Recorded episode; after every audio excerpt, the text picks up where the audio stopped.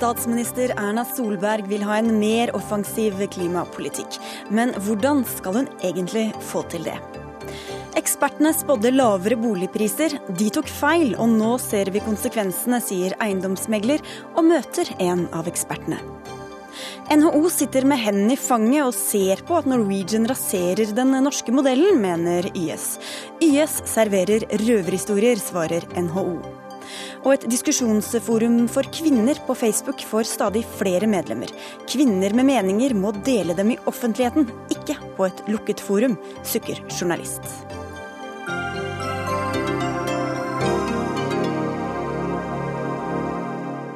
Dette og mer får du i ukas siste Dagsnytt 18 på NRK P2 og nrk.no. Jeg heter Sigrid Solund.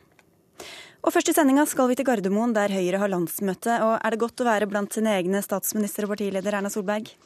Ja, det er det. Det er god stemning, og det er hyggelig å være her. Dette er jo første gangen vi samles så bredt og så stort etter valget. Og eh, stemningen er god, men det er først og fremst fokus på å skape ny politikk. Selvfølgelig. I talen din tidligere i dag sa du at det var deilig å være regjeringsparti igjen. Hvordan er det med deg, har du vent deg til å være statsminister? Eh, jeg tror jeg har vent meg til å være statsminister. Eh, det er veldig viktig med sånne jobber at du eh, er i de når du har de, også at du vet at de kan forsvinne ganske raskt, men at du aldri egentlig tenker over det, for du skal ha et langsiktig perspektiv på det du gjør. Du takket også finansminister Siv Jensen i talen din. Hvordan har samarbeidet med Frp gått sammenligna med hvordan du trodde det kanskje kom til å bli? Altså, Jeg trodde jo at det gikk fint an å samarbeide med Fremskrittspartiet i regjering, og det har det gjort. Det er selvfølgelig sånn at uh, vi slåss for våre saker på høyre side, og Frp slåss for sine. Men som i de fleste andre regjeringer jeg iallfall har vært med i, så er det sånn at uh, ofte så er det ikke fargen på den enkelte statsrådens uh, som, som, har betydning. Det er faktisk den saken de jobber med, og du kan få vel så mange diskusjoner mellom Høyre-statsråder, mellom Frp-statsråder, som mellom Høyre og Frp totalt sett. Mens du har vært eh, på landsmøtet, har eh, KrF-leder Knut Arild Hareide holdt Dalai Lama i hånda i en time. Hvordan har det føltes å ha Dalai Lama i landet uten at dere har villet møte ham?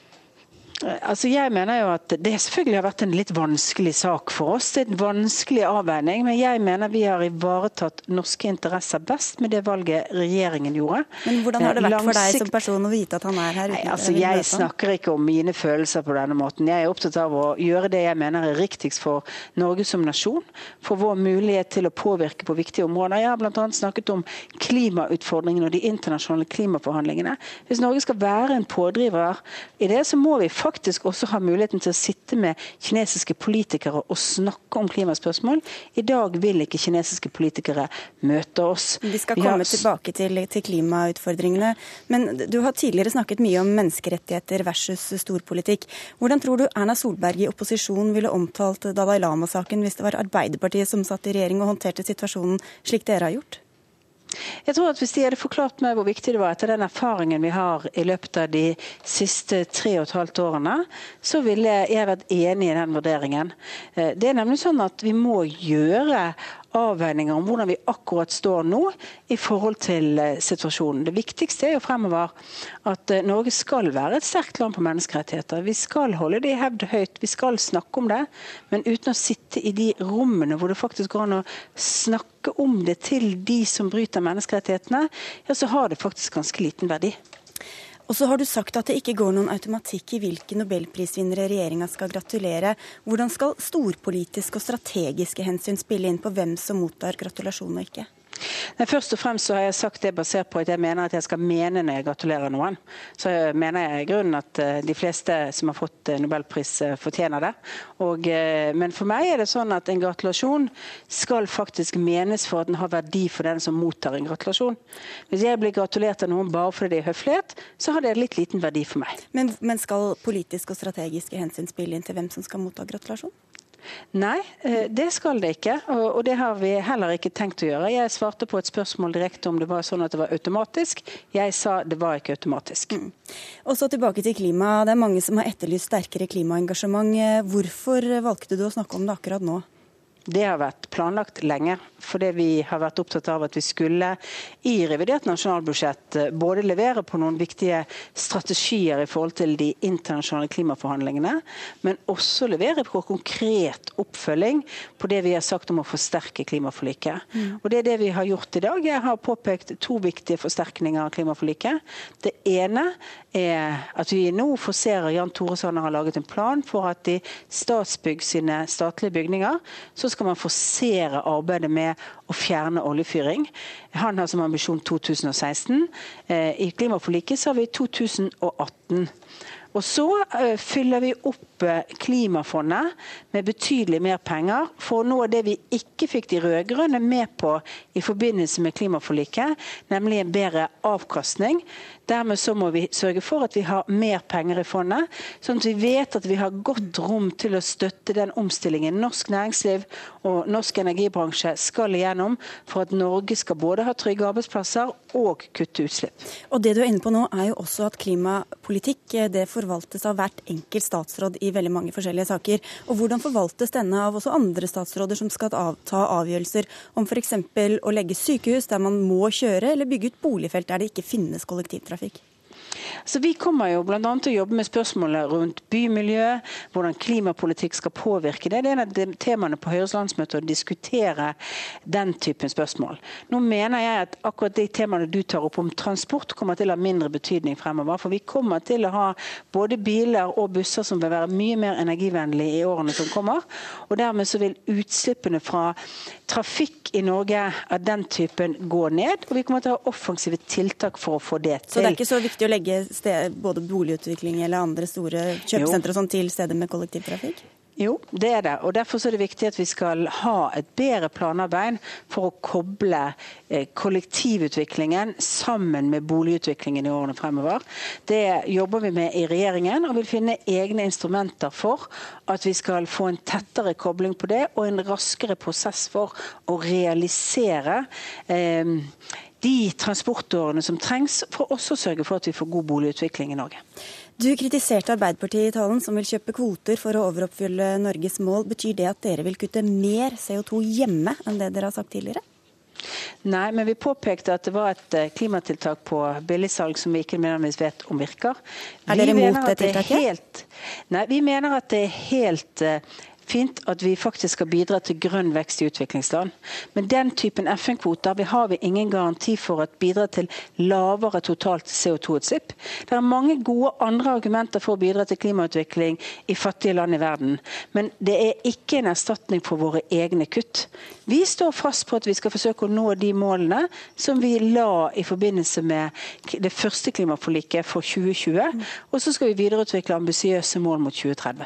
Og da er det store spørsmålet norsk oljeproduksjon. Du viste selv til FNs klimapanel, som sier hvor mye karbon som må bli liggende i jorda for at ikke temperaturen skal stige mer enn to grader. Hvor lenge skal Norge fortsette å hente opp olje som fører til store globale utslipp, når vi allerede har tjent oss så rike på den? Nå henter vi først og fremst opp gass. I mange år så er det jo sånn at oljeproduksjonen i Norge har gått ned, mens gassproduksjonen har gått opp. Og mye olje fortsatt, fortsatt, Men gass er fortsatt på mellomlang sikt en del av løsningen i Europa. Jo, men vi utvinner i dag, og jeg mener at det er en utfordring hvis Norge bare slutter med det, uten at det er et ledd av en internasjonal avtale, ja, så vil vi faktisk bare, bare se at land som har større CO2-utslipp knyttet til sin olje- og gassvirksomhet, kommer til å ta større markedsandeler. Til slutt, eh, Høyre vil eh, antagelig forsterke prinsippet om at forurenser betaler. Hvordan skal du få gjennomslag hos det, for det hos Frp, som allerede er ganske sinte for den økte mineraloljeavgiften? Ja, eh, Vi mener at det er viktig, og det ligger faktisk også til grunn i klimaforliket. Det ligger også til grunn for Sundvolden-plattformen. Så er det jo ikke sånn at vi har noen ambisjon om å plage folk med avgifter på noen som helst måte. Det er måter å sørge for at forurenser betaler mer på, og det er også måter å stimulere de som forurenser mindre. Og Det har vi en livlig debatt gående nå rundt resolusjonen om miljø på vårt landsmøte. Vi får følge med, det blir spennende. Tusen takk for at du var med, statsminister Erna Solberg. Da skal, vi, eh, skal Solberg få gi hodetelefonen hodetelefonene over til eh, Magnus Takvam, politisk kommentator i NRK. Erna Solberg har fått kritikk det siste halvåret for at hun ikke har vektlagt klima- og miljøpolitikk mer. Hvorfor tror du hun snakket såpass mye om det i dag? Det har jo eh, oppstått en ny si, dynamikk omkring miljøspørsmål i, i det politiske Norge. Både i valget, som vi husker, og, og også etterpå. Eh, F.eks. Arbeiderpartiet eh, oppsummerte nok sitt, bl.a. sitt eget valgnederlag på den måten at en god del stemmer fra dem gikk til f.eks. Miljøpartiet De Grønne og partiet Venstre i sluttfasen. Og de har, som vi har registrert, prøvd å profilere seg på en mer grønn eh, linje, de også. Så det er en, en konkurranse eh, også politisk om å, å, få miljøtroverdighet. Og der melder selvfølgelig Høyre seg på. Og, men det er klart, selv om de raljerer en del med Arbeiderpartiet eh, i den rød-grønne perioden og månelandingen og sånn, så er det liksom på, på det store eh, eh spørsmålet, det Fredrik Hauge kaller elefanten i rommet, altså oljepolitikk, der er Høyre og Arbeiderpartiet på linje. Mm. Hvor eh, omfattende og kontroversielle er de tiltakene hun skisserer i dag? Nei, det er jo ikke Altså, Klimafondet for ny eh, teknologi, eh, å øke det, er, er jo eh, et tiltak som, som, som, det er bred enighet om. Eh, men særlig skal vi si, grensesprengende er det ikke. Det er å gjøre noe mer av det man allerede er enige om. Det samme gjelder å hurtigere fase ut oljefyr i offentlige bygg osv. Noe av dette blir et tema på, på landsmøtet. Hvilke andre saker skal opp som kanskje det blir spennende å følge med på? Jeg holdt på å si eh, det er vanskelig å svare på, men uh, uh, ja, for å illustrere nettopp det, så, så blir det sagt at f.eks. spørsmålet om man skal slutte med å ha landsmøte hvert år, kanskje blir den heftigste debatten. Det er det ikke nok å snakke om, kanskje? Eh, nei, men det er klart at eh, konteksten rundt dette landsmøtet er jo, eh, som dere var inne på, at eh, Høyre etter mange år utenfor regjeringsmakt er kommet tilbake eh, i, eh, i, regjeringsmakten. Og det er klart at her er man veldig fornøyd med det. Og det er, det er et slags en, forskjell i skal vi si, profilen på, i Høyres i Erna Solbergs tale sammenlignet med Siv Jensen på den måten at her trengte ikke Erna Solberg bruke mye tid på å forklare at de har fått gjennomslag for det ene og det andre i regjering, slik Siv Jensen måtte gjøre en, en helt annen øvelse for å dempe si, noe av misnøyen i FrPs grasrot. Avslutningsvis, Magnus Takvam, hvordan er stemninga for både samarbeidet med Frp, som enkelte var litt skeptiske til, og også ordningen de har med KrF og Venstre i Stortinget?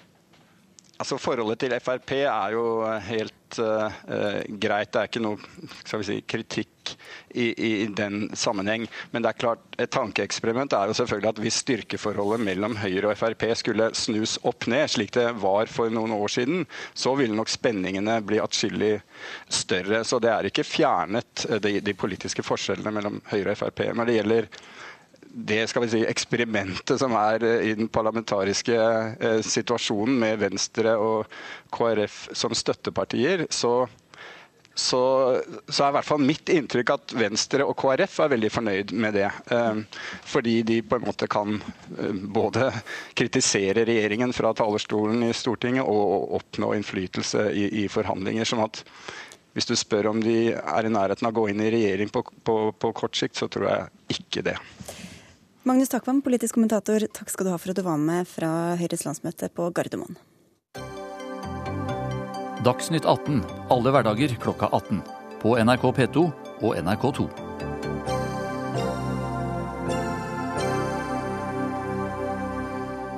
hvor vi snart spør om det er formålstjenlig for kvinner og likestillingen å snakke sammen på et eh, hemmelig Facebook-forum, men før det til en mer kjønnsnøytral sak. Mens økonomene spådde prisnedgang på boliger i fjor, har boligprisene steget hver måned så langt i år. Og nå er prisnivået omtrent som i fjor. Og dette har fått deg til å si at ekspertene bør moderere seg når de spår i boligmarkedet. Eiendomsmegler Terje Tinholt, hva har fått deg til å komme med den oppfordringen? Jo, Vi er her for å veilede kundene. Og jeg syns det er blitt eh, mer villedning enn veiledning. Eh, det har vært spådommer som har vært eh, store oppslag på minussiden over lang tid. Og vi har sagt at dette her er ikke riktig. Det er et mye sterkere boligmarked der ute enn folk flest tror. Eh, de som har forstått det, det er boligkjøperne. Men det er klart når du hører annenhver uke at boligmarkedet skal falle 20-30-40% hvor ekspertene her har konkurrert med hverandre eh, på å være negative, så det er klart at det vil påvirke markedet. Men selv det klarte ikke å ta knekken på det norske boligmarkedet, og det er helt riktig. Fordi dette er fundamentalt meget, meget sterkt. Og alle dere boligeierne, eh, dere har en meget lys fremtid i møte. Men hvordan har det påvirket boligmarkedet så langt, da? Nei, Psyken blir jo eh, selvfølgelig litt rusten eh, til, til å være Ola Nordmann også. og Det gjør at det blir litt sånn strikkeffekt i boligmarkedet. Vi får en oppbygning av boligkjøpere som venter litt lenger enn det de kanskje egentlig burde gjort. Og så kan det være at vi får en mer og større svingninger enn det jeg ønsker, eller det vi ønsker å få i markedet. Vi kan være mer moderate, så går dette sakte, men sikkert mye bedre i norsk økonomi. Harald Magnus Andresen, du er sjeføkonom i Swedbank First Securities og er en av ekspertene som irriterer her. Tok du feil da du forutsa nedgang i fjor høst? Ja, jeg har tatt feil lenge. Jeg mente at boligprisene har vært høye i mange år. og Det, eh, det har jo åpenbart ikke ført til at folk har latt være å kjøpe bolig, for det har de faktisk gjort. Og de har tjent penger på det, hvis det er det som var formålet. Eh, det er alltid slik med eksperter. De har ulike vurderinger. Eh, og det er mange som har ment at boligprisene bare skal stige, og mange har ment at boligprisen skal falle. Se over de siste årene så har jo trykket eh, vært i, klart i retning av at boligprisen skal stige. Telle opp antall førstesider med eksperter som uttaler seg i Dagbladet eller VG, så har det vært iallfall fire til, eller tre til én i retning av at boligprisen skal opp, og i perioder har det vært nær sagt fire av fire har vært at boligprisen skal opp. Så når jeg har vært skeptisk, og fortsatt er skeptisk, så er det ikke fordi at jeg vet at boligprisen skal falle i 2014 eller 2015. Og Det sa jeg også i fjor. Jeg sa ikke at boligprisen ville falle i 2014, jeg sa at risikoen er der. Mm. Dette handler ikke om hva vi vet om boligprisene, for det vet vi ingenting om. Men, men... men det handler om vurdering av hva vi har grunn til å tenke over. Og det som jeg synes er, og Grunnen til at jeg har vært opptatt av boligprisene, det er at jeg vet at de har steget veldig mye i forhold til andre priser. De har steget mye mer enn husleiene, og de har steget langt mer enn husholdningenes inntekter. Og de har steget, langt, de har steget så mye at husholdningene lånt mye penger for å finansiere det. Dette har vi sett i Norge og i andre land mange ganger før. Og hver gang har eiendomsmeglerne samlet, uten unntak, satt at dette var naturlig, dette var riktig, og boligprisen skulle aldri falle. Og det har de sagt helt til boligprisene har falt mye. Og Problemet er følgende. Når boligprisene går andre veien, så går som regel boligbyggingen mye ned bankene får problemer, eller mange låntakere får problemer. For de har ikke flyttet på seg, noen kan ikke betale tilbake. For de kan ikke selge og innfri gjelden sin. Bankene får problemer, og det er det som er det vi kaller finanskriser. Og Derfor har jeg advart, for jeg tror ikke det er bra at prisene blir for høye. Risikoen er for stor. Men, det er jeg helt enig i, men problemet er at når dere, uh, har, dere har en høy respekt i markedet, når dere sier dette her i 15-20 år, så sier jeg altså vi skal bruke uh, eksperter til noe fornuftig. Og når man sier at dette faller, dette faller, og, og din kollega kollega Hermanrud sier at det er 40 sannsynlig for at vi faller 40% og så slår jo da selvfølgelig media opp, som jeg også hadde villet gjort som media, at dette her er en stor sjanse for at nå faller det. ikke sant? Og så begynner folk å tro på dette her. Og så er det ikke fundamentert ordentlig. Jo, for, nei, det er ikke det. Jeg kjenner Hermanrud godt. Dette, hør her. Kan du fortelle meg hvor prisene ikke har falt 40 etter å ha steget som i Norge? Gjennom historien, gjennom historien. Hvor har det steget så mye som i Norge uten etterpå å ha falt tilbake igjen? Nei, ingen andre steder. Men kan du fortelle meg et land hvor vi har så mye penger i en så liten økonomi? Om det er liten eller stor det spiller ingen rolle her. Nei, men Fortell meg et land som er så robust som oss. Det skal jeg gjerne fortelle. Og, gjerne fortelle. Og, og, en annen ting som er veldig viktig å få fram her. Du spurte, meg, du stiller et spørsmål, kanskje jeg får svar på det. Det som har vært spesielt med Norge de siste ti årene eh, jeg har ikke advart mot boligprisen i 15 år for øvrig. Dog. 12, ja, nei, ikke ordentlig 12 heller. Det som kjennetegner Norge, har kjennetegnet Norge de siste ti årene, det er noe ganske spesielt. Vi har hatt en veldig kraftig økning i, i oljeinvesteringene, som har vært viktig for deler av næringslivet vårt. Samtidig kom Kina inn i verdensøkonomien. Det førte til at eksport, prisen på det vi produserte, det vi eksporterte, steg, mens det vi importerte, falt. Det førte til en langt bedre realinntektsutvikling i Norge enn i andre land. I tillegg, så pga. finanskrisen, så har vi hatt lav rente i andre land. Så vi har hatt kombinasjon av en sterk økonomi, høye inntekter, lav, ED, lav ledighet og samtidig lav rente. Dette er historisk sett helt unormalt. Derfor har selvfølgelig norske boligpriser steget. Men, Men det har jo ingenting å si for hva boligprisen skal være i 2020. Da er det to ting som bestemmer det. Det er hvor knapp tomtegrunn i Norge egentlig er, og hva det koster å bygge en normal byggekonjunktur. Jeg tror vi ikke har gått om for tomt i Norge. Jeg tror ikke det skal være like dyrt å bygge til evig tid. Men, men hvordan, på, hvordan, vurderer dere hvordan deres uttalelser påvirker boligmarkedet og, og psyken hos boligkjøperne? Jeg tenker aldri på det. Jeg sier hva jeg mener. Det samme er på aksjer også. Og selv om det er mange økonomer og det var ikke Det tror jeg som, som, feil. Jo, men hvis det var sånn, så jeg tror ville det er liv ruskende galt. Vi skal være litt mer moderate eh, i hva vi uttaler, fordi vi har et publikum der ute. Vi er fem-seks millioner mennesker. Vi er veldig lett påvirkelige. Og når vi roper ulv, ulv mange nok ganger, og det er like, like mye vår feil For hvis dere vi- blir jo beskyldt for å skru prisene opp og si sant. alt og kjøp, løp og kjøp og så videre. Løp og kjøp. Men det er ikke egentlig det vi sier. Vi bare vi sier det vi opplever og hva vi selger, vi. Eh, Så det er ikke det at vi, vi er ute til å booste markedet, men vi sier hva er det som skjer der. Jeg møter 300 mennesker hver eneste viss egeninteresse av å opprettholde Nei, egentlig ikke. så har Vi vi har ikke det. Vi sier hva vi har tro på. Vi, jeg tjener ikke, Om jeg selger en leie til 5 millioner eller 5,1, spiller ingen rolle. Eh, Så, så Det er det, det, er, det er ikke der poenget er. Jeg sier det jeg har tro på, og jeg er litt utvidet interessert i dette. her, og Derfor har jeg tatt denne kampen for å stå imot disse uttalelsene som kom i fjor. Og må du huske på at Det er to ting som er veldig viktig i Norge. Vi sparer mye mer. Gjeldsveksten har økt. Hvor da? Jo, mellom 50 og 60 og 70-årsalderen i, i befolkningen. Der ligger gjeldsveksten. Det er ikke noe fare med gjelda vår Men, her i men Norge. hvorfor gjør ikke du som, som økonom og ekspert eh, også regner inn hva deres egne uttalelser kan få å si inn i det regnestykket? Jo, men altså, jeg, Når jeg sier hva jeg mener om ting, så tenker jeg ikke på at det skal påvirke andres atferd. Hvis det er noen som skal bli påvirket av det, kanskje jeg kan håpe på, så er det at myndighetene tenker på om bankene skal ha høyere kapitalkrav, om de skal stille krav til låntakerne slik at ikke de låner for mye. Men det har ikke noen misjon om å påvirke folks Ja, atferd. men Du gjør det, Jo, men Du er en av de mest respekterte er økonomene i Norge. Ja, det er hyggelig du sier det, Og- men og, og det er du, men Jo, da må du være litt mer Jo, men hvis, folk, hvis det hadde vært slik, så ville jo ikke boligprisene vært der de er i dag. Har, dessverre heldigvis så har ikke én enkelt sjel der særlig stor innvirkning. Jeg det er nok sikkert riktig at det har stått avisoverskrifter som måtte er firkantere, men i enhver sammenheng hvor jeg har uttalt meg om boligprisene, så har jeg uttalt meg om risiko og usikkerhet. Jeg vil ha men deg. Vil ha deg. Mener du at han som fagperson skal ta hensyn til hva boligmarkedet burde, hvordan det burde utvikle seg når han Ja, han burde tenke seg om en gang til før han gjør noe uh, uttalelser. Hvorfor Altså, det? Han skal, du- skal ikke Ja, han som fagperson bare si hva han mener Ja, eller du kan si hva du mener, men, men når alle altså Du var en av de som begynte tidlig. Med en gang det kom dårlige tall i 13.-14. mars, så kom du hit og så sa bong, dette var mye dårligere enn vi trodde. Og så heiv fire-fem andre eksperter seg på. Eh, Bruse i Nordea gikk ut og sa nå faller det 25% Han har justert sine anslag seks ganger, eh, og nå er han på pluss seks. Altså, dette er, dette, altså, vi er ulv, ulv, ulv. Jeg trenger dere når jeg virkelig må. Ikke sant? Jeg trenger ikke dere hver uke. Jeg trenger dere når jeg virkelig må. Og for å si det sånn, hvis jeg sier at boligprisene da bør dere lytte. Ja, jeg, si jeg, har aldri, jeg, tror nesten, jeg har aldri ringt til en avis for å si, snakke om boligpris, men det er mange som ringer til meg. Og når folk ringer til meg, så svarer jeg, og jeg svarer det jeg mener. Ja, men og da, selv, da. og da Jeg ringer aldri. Alle ringer, til, alle ringer til meg, og jeg svarer. Og så er saken den. Jeg sier ikke at folk ikke skal kjøpe bolig. Jeg sier ikke kjøp bolig fordi du tror du skal tjene penger på det.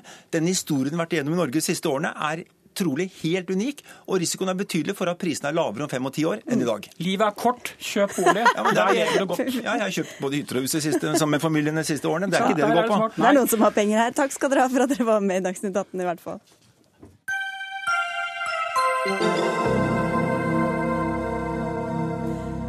I dag, 9. mai, feirer Russland den såkalte seiersdagen. Dagen da Tyskland kapitulerte under andre verdenskrig. Mens Putin feirer dagen med å besøke Krimhalvøya for første gang siden den ble annektert av Russland, er 21 prorussiske separatister blitt drept i sammenstøt i den ukrainske havnebyen Mariupol. Samtidig følger det internasjonale samfunnet konflikten tett. Og ett spørsmål mange stiller seg, er hva Vesten velger å gjøre når stormakten Russland virkelig nå begynner å røre på seg. Espen Barth Eide, du er tidligere utenriksminister, nå er du direktør i Verdens økonomiske forum. Og i en kronikk i Dagens Næringsliv skriver du at krisen i Ukraina viser at tiden etter den kalde krigen er over. Hva tenker du på da? Ja, jeg mener med det at eh, den epoken som begynte med den kalde krigen slutt, og som eh, egentlig ikke har hatt noe bedre navn enn eh, tiden etter den kalde krigen, den epoken er nå over. Det er ikke slik at den er i ferd med å gå over, den gikk over for flere år siden, men det tok litt tid for eh, mange å kanskje å se det. Fordi man var blitt så vant til et verdensbilde der strategisk konkurranse mellom sterke makter ikke lenger var det bærende fenomenet, men hvor man isteden var opptatt av såkalte nye trusler om statssammenbrudd, eh, terrorisme, behovet for å gripe inn eh, i stater langt vekk osv., som var mer kaosstater enn egentlig sterke motparter. Så Det verdensbildet har preget eh, i hvert fall vestlig sikkerhetspolitikk i over 20 år.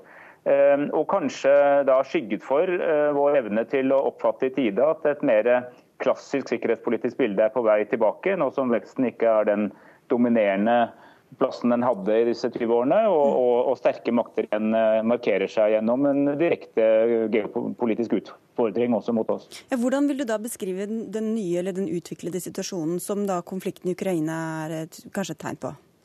Altså, konflikten i Ukraina, i og for seg som konflikten i Georgia i 2008, eh, er et tegn på at eh, Russland eh, for det første ønsker å sette en stopp for den utviklingen av det vi har kalt et helt og fritt Europa, der man har latt det være opp til hvert enkelt land å selv bestemme om de vil være med i organisasjoner som Nato og EU. Eh, at eh, mens vi har sett på det som en eh, naturlig, naturlig utvidelse av et slags freds- og integrasjonsområde, så har Russland sett på dette som en trussel mot sine geopolitiske interesser.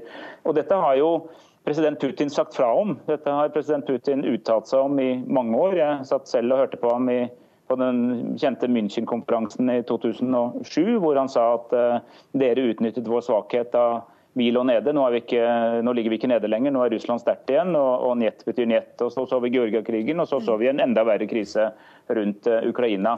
Og Mitt poeng det er at dette er altså mer enn enkelthendelser. Dette er et tegn på at det er et nytt strategisk og sikkerhetspolitisk landskap i Europa. og Det må vi nå forholde oss til enda mer seriøst. som vestlige og sammen med våre allierte. Asle Toy, du er forsker eh, ved Det norske Nobelinstitutt. Er du enig i at eh, Ukraina-krisen viser at maktkampen mellom stormakter nå igjen er et faktum?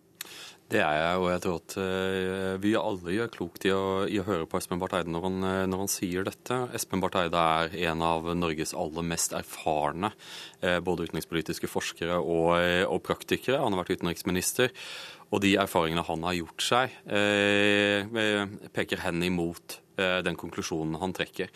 Eh, det som kanskje kan legges til analysen til Espen Barth Eide, er at denne utviklingen har vært under oppseiling i relativt lang tid. Det er I så måte kan man kanskje si velkommen etter. Eh, de fleste hadde fått dette med seg altfor flere år siden. Eh, den perioden vi kalte etter den kalde krigen var, var ugjendrivelig slutt allerede rundt 2008. Og den gangen var også Russland i, i hovedrollen, da i, i form av en intervensjon mot Georgia. Det vi har sett, er at eh, den vestlige eh, modellen, eh, det overmotet som, som preget Vesten, spesielt på 1990-tallet, der vi antok at alle verdens land kom til å bli vestlige, har fått seg et skudd på baugen. Og vi ser at på felt etter felt, eh, både når det gjelder f.eks. Eh, demokratifremming, så ser vi at to land som presumptivt er demokratier, Ukraina og Russland, ender opp i noe som minner om en væpnet konflikt. Vi ser at USAs overmakt i det internasjonale systemet ikke er så overmektig lenger. Og vi ser også at kapitalismen, som er på mange måter Vestens hjerte, har fått seg en ordentlig støkker i form av finanskrisen, som fortsatt pågår. Men Barsteide, har, du har jo vært utenriksminister, og så har norsk utenrikspolitikk vært godt nok tilpasset den, eh, den endrede situasjonen? Jeg, for det første vil jeg si at jeg er enig med Toyes eh, beskrivelse. Eh, for min del og for Norges del, fra den tiden jeg var med og hadde ansvaret for det, så vil jeg si at jeg føler meg ikke spesielt truffet at ikke vi så det. fordi at for min del både sa og skrev og holdt jeg taler om dette i mange år og gjorde et poeng, ikke minst i Nato, av at Nato hadde gått for langt i retning av bare å drive med operasjoner langt unna eget kjerneområde og måtte vende hjem, eh, nettopp fordi vi så mørke skyer på horisonten. Så Det er ikke en ny erkjennelse at denne tiden etter etterkrigstiden er slutt, men det er blitt enda tydeligere og det er enda viktigere nå at alle skjønner det. Og I Nato har det på mange måter vært et skille mellom statene øst for Berlin, og det der vi tilhører dem, altså sammen med Polen og Baltikum og en del av de nye medlemmene og oss, og statene vest for Berlin, som har hatt et eh, noe mer kanskje mer eh, skal vi si, urealistisk forhold til Russland. Det inkluderer både Tyskland og Italia i den eh, gruppen, f.eks. Mm. Uh, lenge også Storbritannia. Som, som, på mange måter ikke egentlig så at Russland igjen ville bli det helt sentrale temaet i europeisk sikkerhetspolitikk. Nå tror jeg alle ser det, men nå er det også viktig at vi handler deretter, og, og ikke minst står opp for våre nye allierte i øst.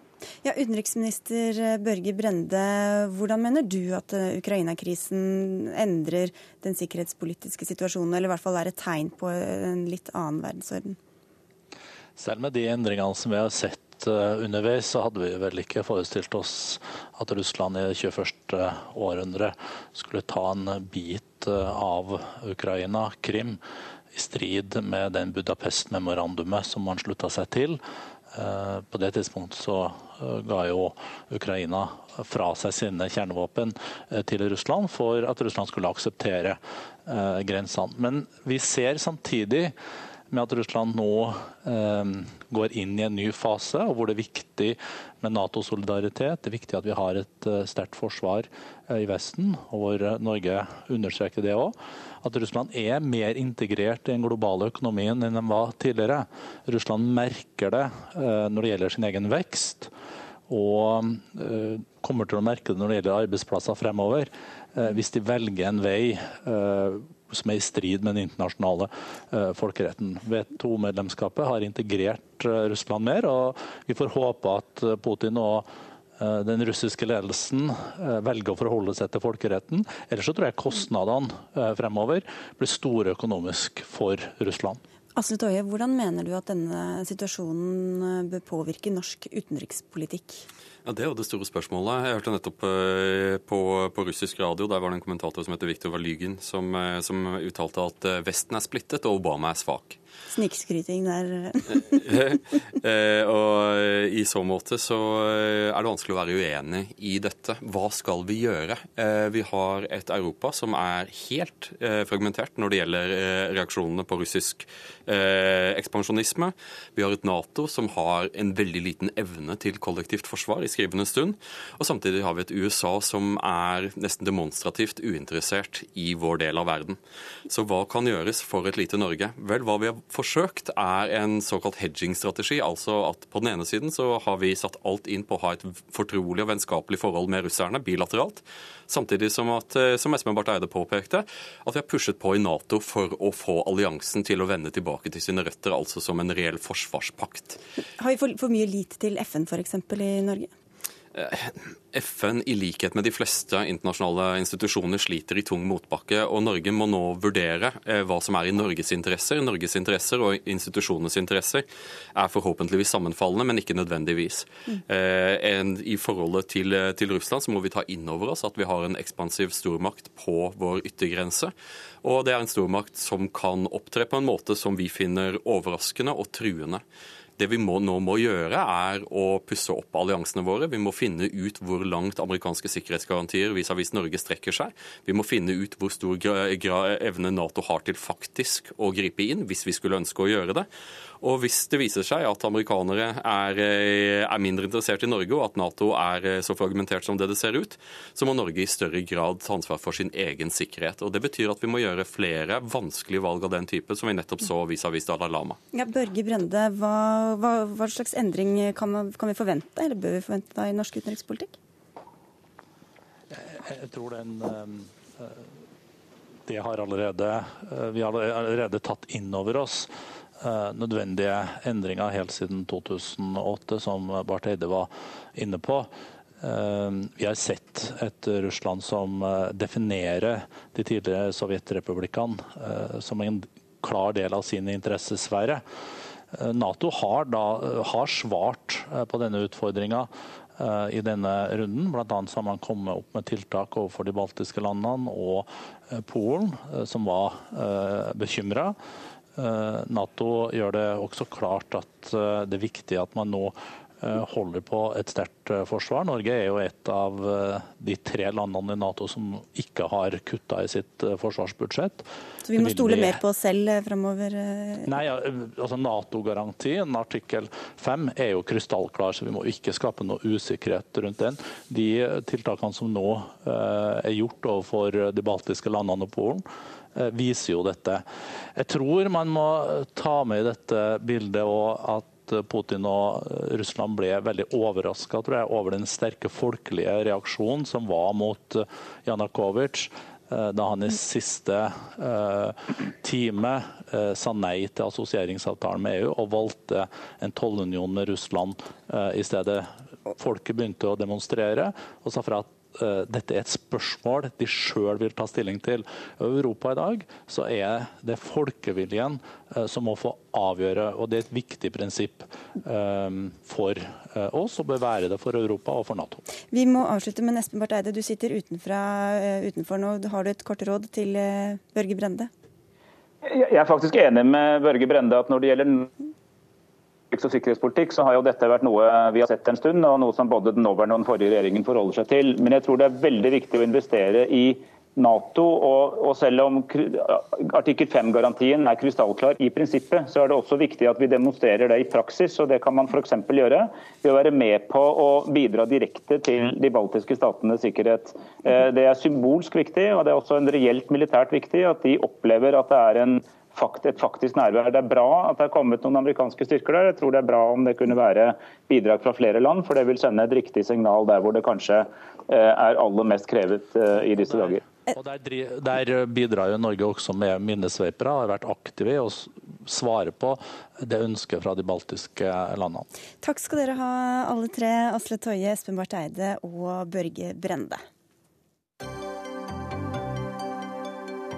Hør Dagsnytt 18 når du vil. Radio NRK Radio.nrk.no.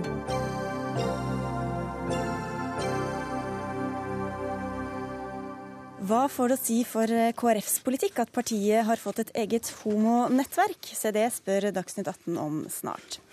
En Facebook-gruppe kalt Den selskapelige diskusjonsforening skaper selv debatt. Gruppa beskrives som et uformelt sted hvor man kan tenke høyt sammen rundt det å være kvinne, og har nesten 3000 medlemmer. Blant dem flere næringslivstopper og redaktører. Felles for medlemmene er at alle er kvinner, men har ingen adgang. Mina Gabel Lunde, du er journalist i Dagens Næringsliv og skrev en eh, kritisk kommentar til dette lukkede forumet i eh, Dagens Næringsliv da for en stund siden. Hvorfor er du kritisk? Um, først og fremst er jeg kritisk til at uh, yes, altså det er det problematiske i at uh, man tar opp ytringer eh, fra mennesker som er navngitte, snakker om dem, snakker om bakgrunnen for dem. Eh, hva man tror de har ment med det, eh, hvilken agenda de har hatt, og i mange tilfeller også med personkarakteristikker eh, av mennesker som ikke får lov til å se hva som står der, ikke får ta stilling til om du vil ta til motmæle, og eventuelt rette opp et feil bilde som blir gitt av dem. Og alt dette da i kraft av Altså fordi de ikke får lov til å komme inn i kraft av det kjønnet de tilhører. Altså de har snakket stygt om menn på dette forumet? kort, kort og godt, ja. ja. Hva var det som ble sagt, f.eks., da? Um, jeg brukte jo et eksempel, uh, og det var um, politisk redaktør i Bergens Tidende, uh, Frank Rossavik, som hadde skrevet uh, en kommentar i sin avis hvor han skrev om Høies retrett i reservasjonsrettsspørsmålet, hvor han Vel, hovedbudskapet som jeg sa det, var at han mente at dette var blåst ut av hele reservasjonsdebatten var blåst ut av proporsjoner. Men det som da eh, den, altså Denne ble postet inne på det forumet, eh, og der kom en rekke eh, karakteristikker av Rossavik. Ja, vi trenger ikke å gå inn på, ja. inn på, akkurat de karakteristikkene. Det var ett eksempel, mm. men det er flere. Mm. Mm. Maria Langås Gosse, du er en av eh, to grunnleggere av denne Facebook-gruppa. Eh, mm. Hvorfor vil dere ha et sånt uh, lukka forum for kvinner? Det som var utgangspunktet, var jo at Eh, at jeg inviterte de to søstrene mine og to venninner for at eh, jeg hadde lyst til å diskutere hva det vil si å være kvinne. Eh, og så ble det sånn at folk inviterte andre de kjente, og så har det liksom bare blitt større og større. Ja, det balla på seg. men, men, hva syns du om at det blir brukt til å slenge dritt, da, for å si det sånn, om, om folk som ikke har adgang til det forumet? Ja, nei, det er jo ikke noe bra å slenge dritt. Det, det er jo ikke noe bra i det hele tatt. Og det prøver vi jo hele tida å, å, bidra til at ikke skjer, da. Eh, og eh, det som er med at det er lukka, kan jo bidra til at folk føler litt mer ansvar for det de ytrer også. Og de blir invitert av noen som de kjenner, og står til ansvar for dem også, da, for det de sier. Hvis vi ser litt bort fra akkurat det med hvem man snakker om, eller sånn, mm. hva er farene ved å ha et sånt lukket diskusjonsforum, tenker du, Mina Gabrielle? Det jeg tenker er at uh, altså både min observasjon Nå, nå var jeg Eh, nå var jeg der i to-tre måneder uh, før jeg meldte meg ut. Uh, I løpet av den tiden, både de observasjonene jeg gjorde der, og også i den, det tilsvaret som Maria og hennes venninne skrev i går i DN, så, så, så, tas det jo altså det tas opp en rekke ting der. Mange samfunnsspørsmål. Masse, alt fra abort, voldtekt, den type ting, men også rett og slett barneoppdragelse, skilsmisse, kvinner i arbeidslivet, hvor mye representert er kvinner i ulike viktige temaer. viktige temaer som angår alle eh, i et samfunn. Eh, og når man tar opp disse samfunnsrelevante spørsmålene, så eh, lurer jeg da på, fordi det som eh, Maria og noen andre der sier, at eh, man tar opp kvinnelige erfaringer rundt disse spørsmålene. Og det jeg mener er at kvinnelige erfaringer har verken blitt til eller skal eh, gjøre nytte i et samfunn som er, som er fritt for menn. Ikke, vi lever ikke i noe vakuum fritt for menn. Og jeg forstår derfor ikke poenget med å stenge ute menn. Mm. Jeg vet ikke om jeg har skjønt helt om fritt for altså, menn. Der er det ingen menn, da? Hvorfor skal vi ha et forum hvor ikke menn har adgang? Ja, I den selskapelige? Mm. Eh, nei, det som eh, Det det handler om, er jo å diskutere, som Mina sier, den kvinnelige erfaring. Og eh, ja, dele tanker rundt det å være kvinne, da. Eh, og eh, vi får jo tilbakemeldinger om at eh, folk syns at det er veldig veldig godt da, å få snakke om det med andre som kanskje har de samme erfaringene. Um, og det er liksom i, i, offentlig debatt og kommentarfelt, hvis man diskuterer sånne ting der, så blir det ofte veldig, det veldig mye hetsing. Så det er et frirom, da? på en måte, for kvinner? Ja. Mm. Og det opplever vi at veldig mange setter pris på. Mm, hvorfor skal man ikke ha et eget sted hvor man slipper denne hetsen eller nettrollene, Mina Gabelunde? Um, Altså, for det første da, så er det noe med at man eh, Da går man jo ut ifra at nettroll er eh, bare menn. Eh, det, må vi nesten, det kan vi nesten ikke gå ut ifra. Men her er det i hvert fall litt bedre oversikt over hvem som er med og Ja, det, min erfaring er at det er ikke nødvendigvis noe bedre. Det er Altså, nettroll er både menn og kvinner, og nettroll plager både menn og kvinner. Og de aller fleste menn og kvinner ønsker seg eh, et sunt debattklima, fritt for troll. Og det som på en måte har gått igjen i litt av den argumentasjonen som har kommet eh, både fra Den selskapelige diskusjonsforening, men også deres, eh, deres, forsvarere, har vært at kvinner trenger et sted å øve seg for å kunne delta i debatten. Og jeg mener at det gir et ganske veikt og uriktig bilde av kvinner og av nettroll. Jeg tror vi er, at vi er absolutt tjent med å diskutere de tingene som angår oss alle sammen. Du kan fortsatt svare på det avslutningsvis, Gosé. Ja, hva var spørsmålet? at, vi, altså, at, man ikke trenger et eget øve, øverom for, eh, for, kvinner, men kan kaste seg ut i den åpne debatten sammen med ja, alle det, det får vi også tilbakemeldinger på, om at ved å få være med og diskutere og dele erfaringer og tenke høyt om det å være kvinne i den selskapelige, gjør at folk tør å ta, ta de samme diskusjonene videre i samfunnet og i familien og på arbeidsplassen og overalt. Og de som vil inn og sjekke dette forumet, får rett og slett bli venner med noen av dere som eh, er der. Takk skal dere ha for at dere i hvert fall tok den helt åpent i Dagsnytt 18.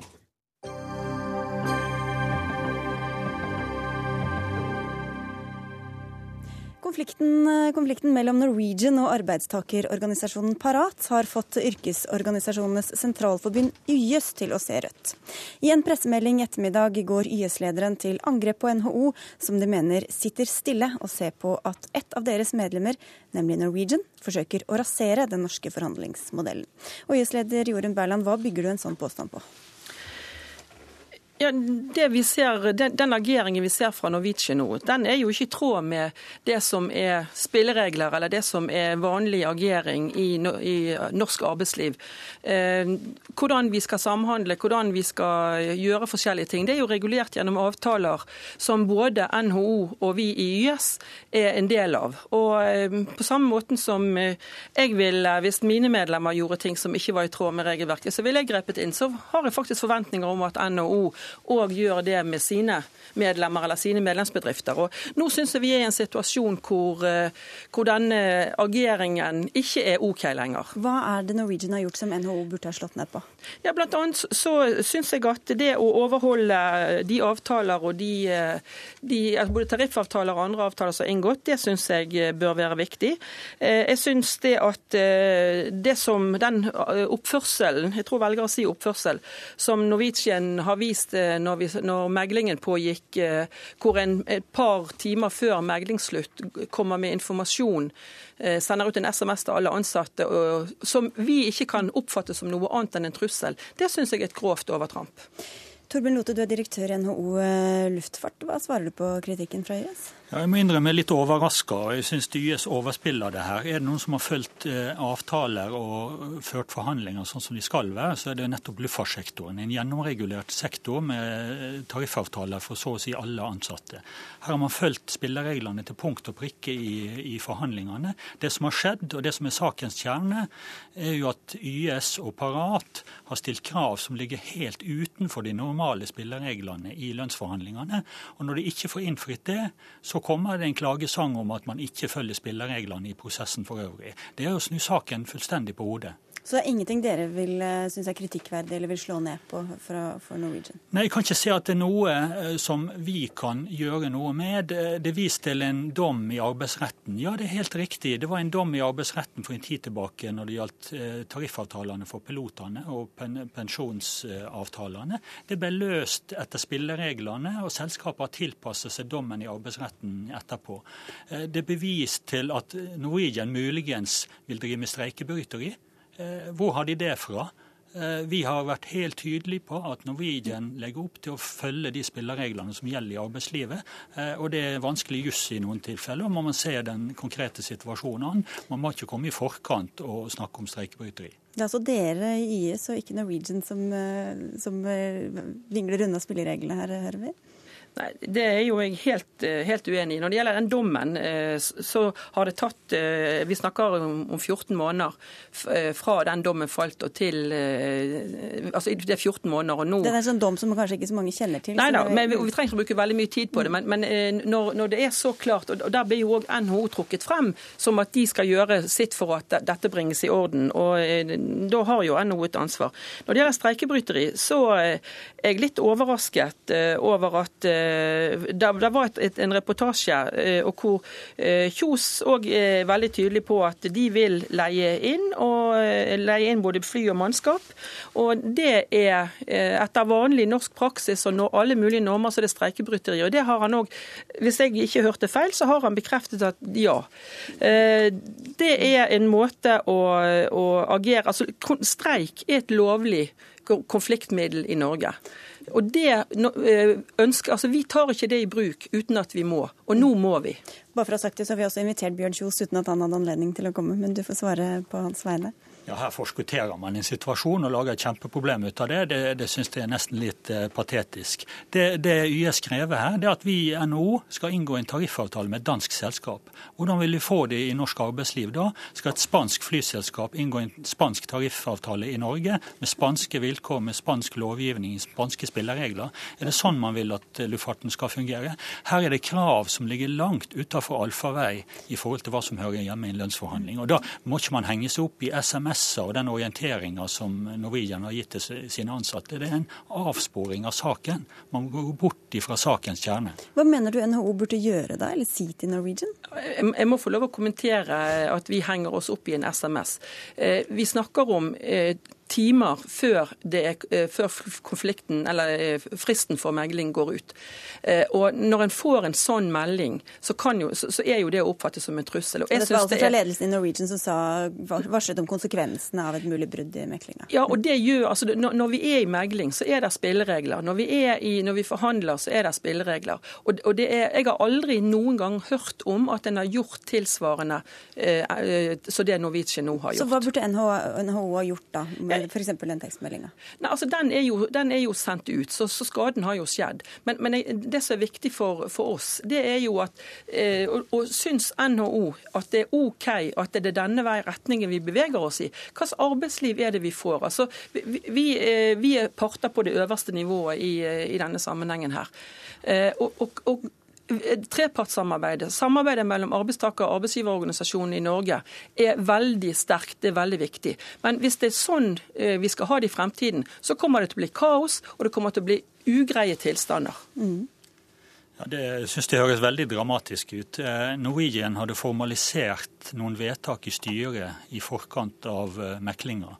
De følte behov for å sende ut den informasjonen til alle ansatte i selskapet, så de var klar over hvilke konsekvenser man eh, står overfor.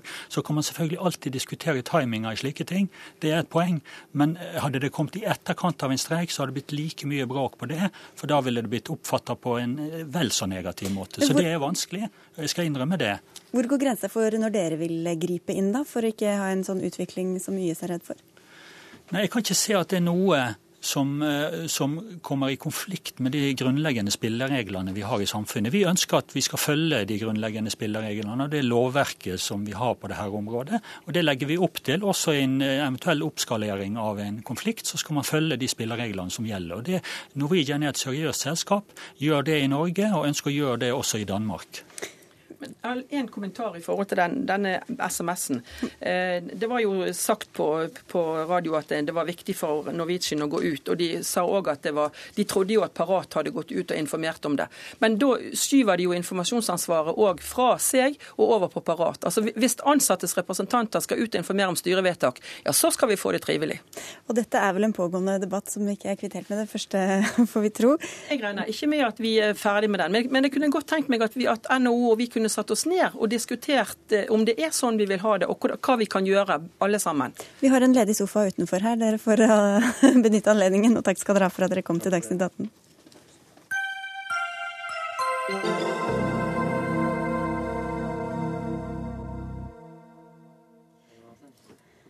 Er det blitt lettere å være homofil enn skeptisk til homofiles rettigheter i Kristelig Folkeparti? Et nytt homonettverk i partiet har fått partileder Knut Arild Hareides velsignelse. Motstanderne av nettverket frykter at partiet kan være på glid i spørsmålet om likekjønnet ekteskap, men holder uroen for seg selv. Gaute Brekken, du er medlem i KrFs homonettverk. Hva har ledet opp til at dere nå har dannet dette, dette nettverket? Det er jo en prosess som har gått over noen år, der vi har vært flere homofile og lesbiske som har stått åpent frem i partiet og opplevd at det har vært helt greit. Eh, og nå er vi blitt så mange at vi tenker at nei, nå er det på tide at vi organiserer oss litt. Hva betyr det for dere da, å ha dette?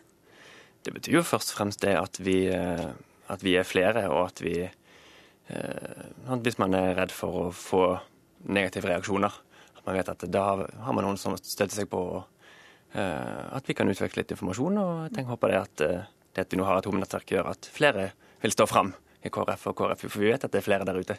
Og så har du tidligere sagt at det har vært vanskelig fra tid til annen å være homo i eh, KrF, men hva slags reaksjoner har dere fått fra partifeller nå?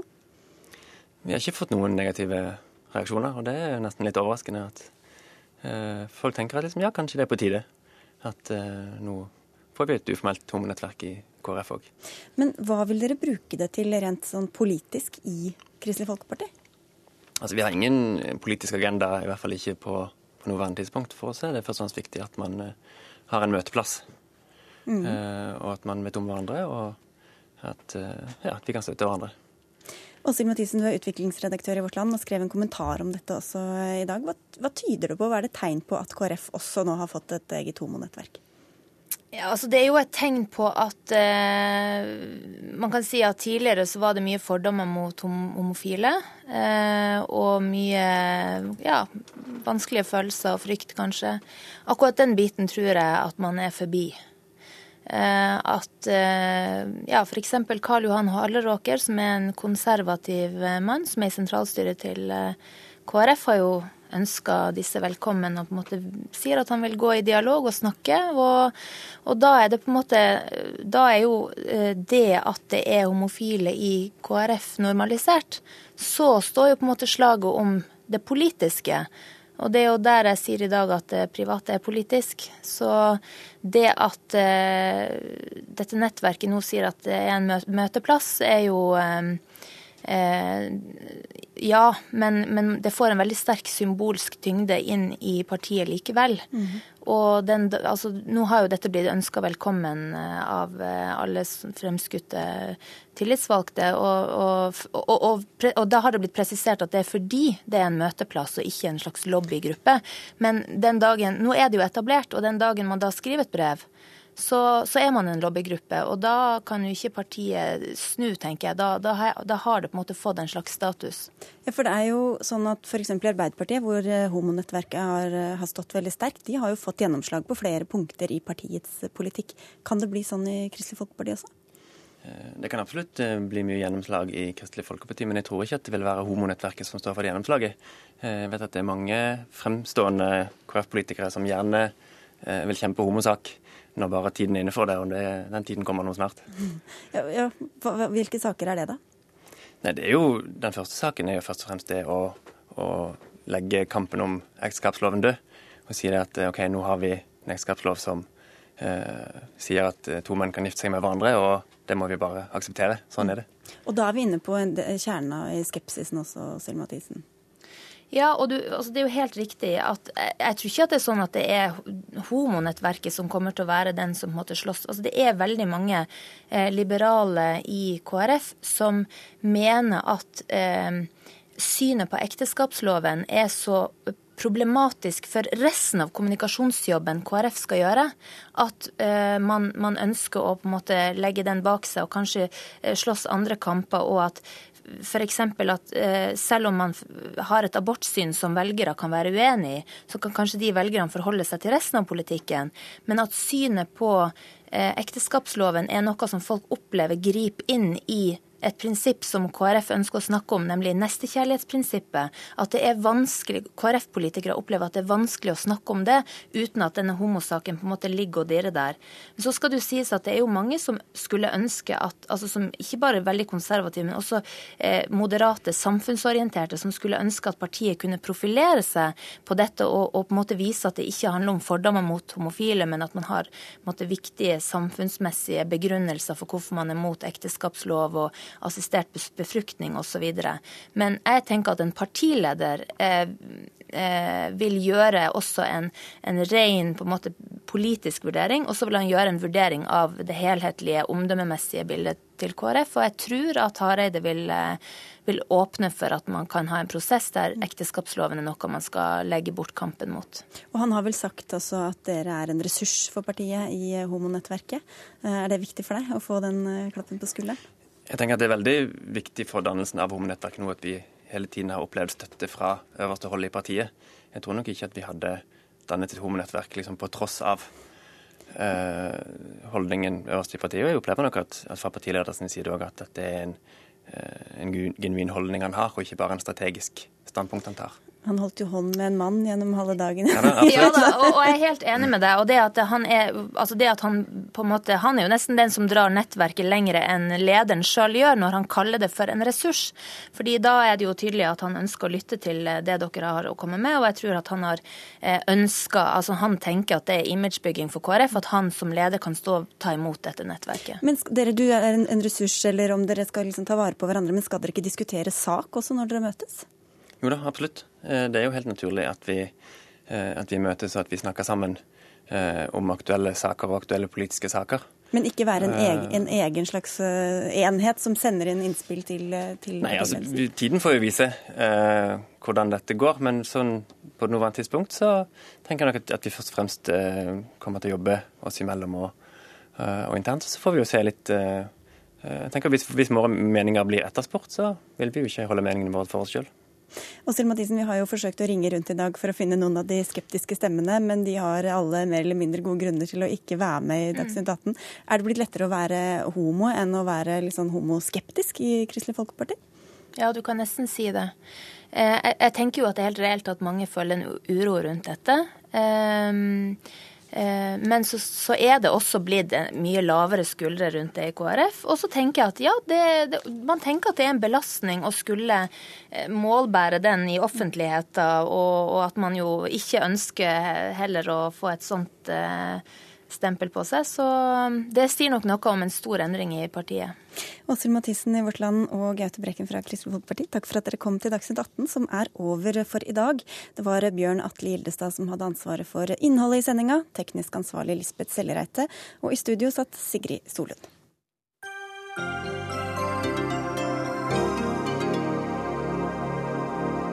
Hør flere podkaster på nrk.no podkast.